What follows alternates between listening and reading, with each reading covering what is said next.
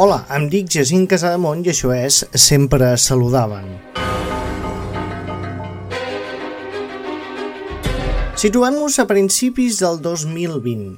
Inesperadament apareix un dels assassins en sèrie més importants de la història. Segurament un dels que acumula més morts a les seves espatlles. Es tracta d'un assassí múltiple, sense miraments, sense cap motiu aparent, que es van portar per davant milers de persones sense importar ni la raça, ni l'edat, ni l'estatus social. Efectivament, estem parlant de la Covid-19. Aquesta malaltia, aquesta enfermetat, aquest virus, és la responsable d'acabar amb la vida d'un altre assassí de nom rimbombant i que va aterrar a Anglaterra durant els 70. La seva carrera va des de mitjans dels 70 fins als 80. L'homicida i finalment víctima de la providència és el conegut com a l'esbudellador de Yorkshire.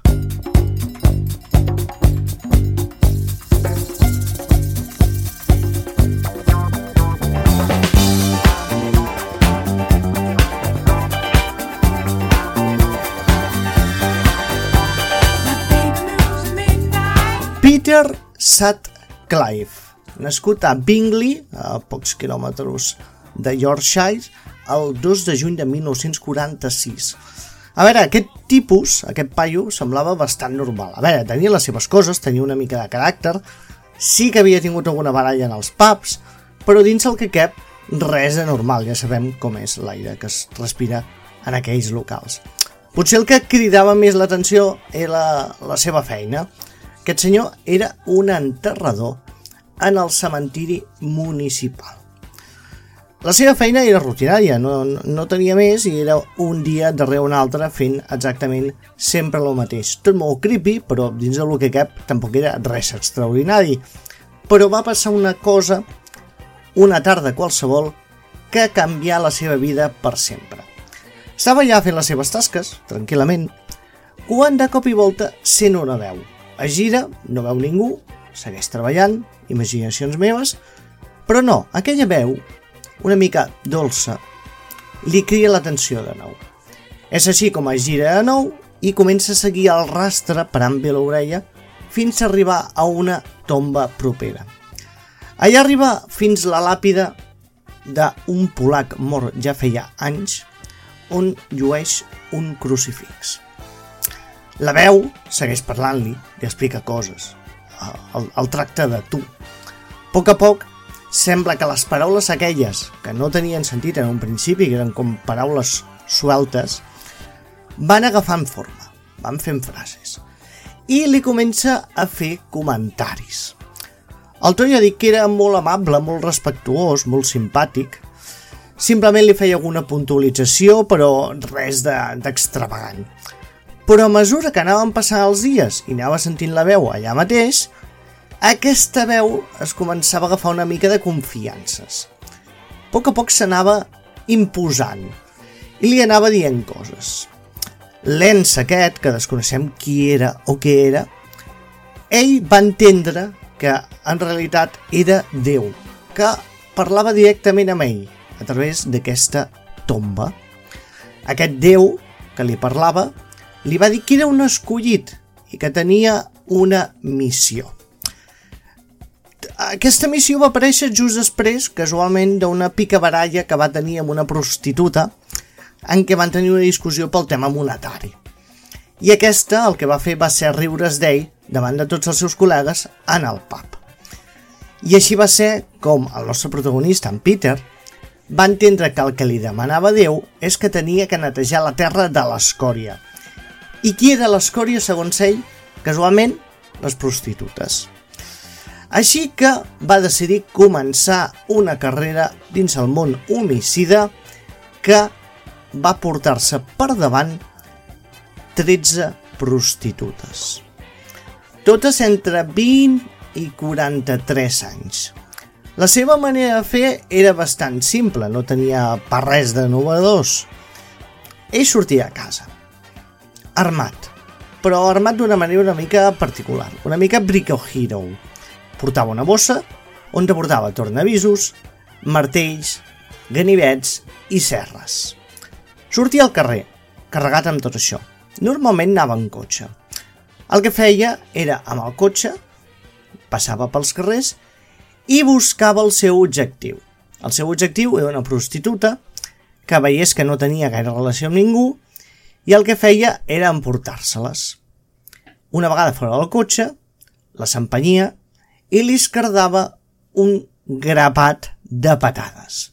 Portava unes botes, expressament per fer-los bastant de mal, i en cas que aquestes no rendissin, el que tenia era el martell que li donava un cop de martell al cap per deixar-les inconscients. Sembla que això per ell no era suficient. Què feia a partir d'aquí? Doncs, ara que les tenia inconscients, decidia jugar amb elles. El que feia era agafar un tornavís i obrir tot el ventre. Un cop obert el ventre, a vegades treia els òrgans interns, tots els budells i de més, fins i tot jugava una mica amb els òrgans, o sigui, un puto tarat. Però, gràcies a Déu, no tots els seus atacs van tenir recompensa, ja que dues de les seves víctimes van aconseguir escapar-se dels seus atacs. Gràcies a això, el testimoni d'aquestes dues víctimes van poder fer un retrat robot. Però clar, imagineu com estava el pati. El pati estava molt malament perquè en aquells moments, parlem dels 70, mitjans finals dels 70, tenim a Anglaterra que viu una explosió de la gent anant de discoteques i el que és més important – que les dones començaven a agafar independència i podien moure's tranquil·lament, se suposava, per on te volguessin. Ja no depenien de tenir una parella masculina al seu costat, sinó que s'entenia que podien fer absolutament el mateix que un home. Dic s'entenia perquè encara a la societat li costava d'entendre conceptes tan simples com aquests. I la policia estava molt nerviosa. La policia estava molt, molt nerviosa. Per què? perquè ara que tenien llibertat les dones, que les dones podien fer el que volien, hi havia aquest assassí que semblava que volia tirar-ho tot pel terra. I tot i que van intentar ficar tocs a queda i de més, les dones volien seguir exercint les seves llibertats. A més, tampoc era fàcil que aquest assassí en sèrie no parava d'actuar i a més el que feia era jugar una mica amb ells fins i tot li s'enviava cartes, eh, jugava amb diaris a l'escena del crim, o sigui que era tot bastant, bastant xungo i la situació era bastant incontrolable, que tenien la policia una mica bastant nerviosa i les dones joves de la ciutat també estaven una mica fins a dalt de tot. Però què va passar un bon dia? Resulta que la policia tenen clar que l'assassí corre per allà, per la ciutat, i que l'han de trobar. I el que fan és passejar pels carrers. I un dia aquests que passegen pels carrers es troben un cotxe que veuen que té la matrícula doblada. Què vol dir això? Que té la matrícula ficada normal i al damunt hi té una altra matrícula. Això els fa pensar que pot ser que el conductor, el propietari d'aquest cotxe, hagi robat el vehicle. Així que van fins al conductor, veuen que està amb una noia al seient de copilot i li comencen a parlar. Però hi ha alguna cosa que falla. I és per això que l'agafen i se l'emporten fins a comissaria. En un principi la idea és interrogar-los sobre la procedència del cotxe i de més, però quan arriben allà es donen compte que aquest paio té exactament la mateixa cara que el dibuix del retrat robot. Aquí comença un interrogatori bastant llarg. Concle concretament van ser 16 hores. Per què van ser 16 hores? Perquè a mesura que anàvem parlant amb ell, més contradiccions anaven sortint. Fins que al final el senyor Peter va confessar que era l'assassí, el responsable d'aquests múltiples crims. Va anar a presó durant força temps, un any i mig, i allà van aprofitar per fer-li diferents proves psiquiàtriques. Ell deia que no era culpa seva d'anar matant aquestes pobres noies, sinó que era culpa de Déu que li havia enviat aquest missatge que ell no podia fer res més que obeir el Senyor Déu. Però bé, després vam tenir altres visions que deien que en realitat aquest senyor eh, era molt meticulós, ho tenia tot molt estudiat com per ser un simple boig. Sí, com sigui, va caure dins de la garjola I el que és més sorprenent de tot és que la seva fama la van utilitzar altres homes durant aquella època per amenaçar a noies que anaven soles pel carrer. Aquests homes s'acostaven a les noies desprotegides i li deien que eren l'esbudellador de Yorkshire a canvi de que no oposessin resistència i aprofitar-se d'elles de manera sexual. Sigui com sigui, el més curiós de tot per mi és que a banda de tot això i la seva mort per Covid eh, quan estava ja ingressat en un centre psiquiàtric, que va estar protegit perquè resulta que els altres presos li volien fotre d'hòsties i acabar amb la seva vida, cosa lògica i normal, amics.